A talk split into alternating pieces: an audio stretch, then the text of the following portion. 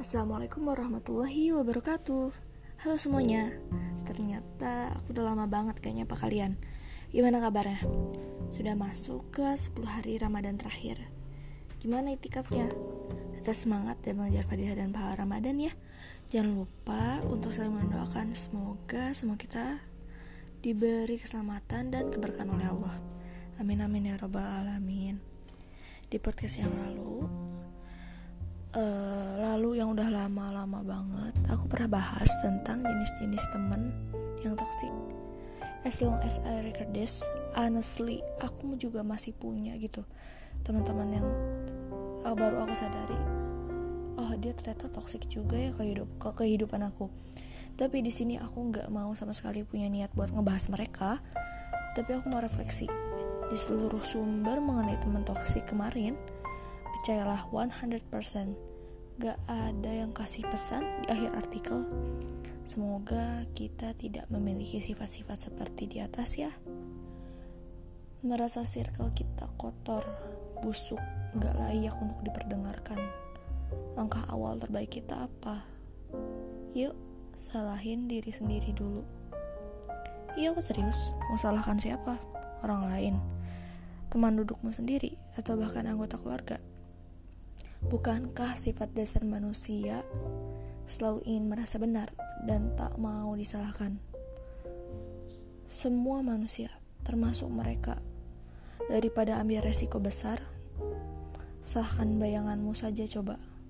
Paling-paling yang pedih dan rempong itu hanya diri kita sendiri, bukan teman satu circle, satu keluarga besar, satu RT, maupun satu provinsi. Gimana caranya? Caranya, tanya ke nurani kita. Jangan-jangan selama ini aku yang justru jadi racun. Jangan-jangan karena ulah kita sendiri kita bikin marah, kesal ayah bunda kita. Jangan-jangan karena ego kita sendiri merasa paling benar nih ketika ada yang ajak kebaikan mudah banget ya dikelit seribu kata kemudian pembelaan, pembenaran atas tindakan kita yang notabene salah juga sama bisa dikelit dengan seribu kata dengan seribu alasan. Kalau kita merasa paling benar superior apa bedanya kita dengan Nazi? Eh tuh kan ngejudge lagi. Enggak kok enggak.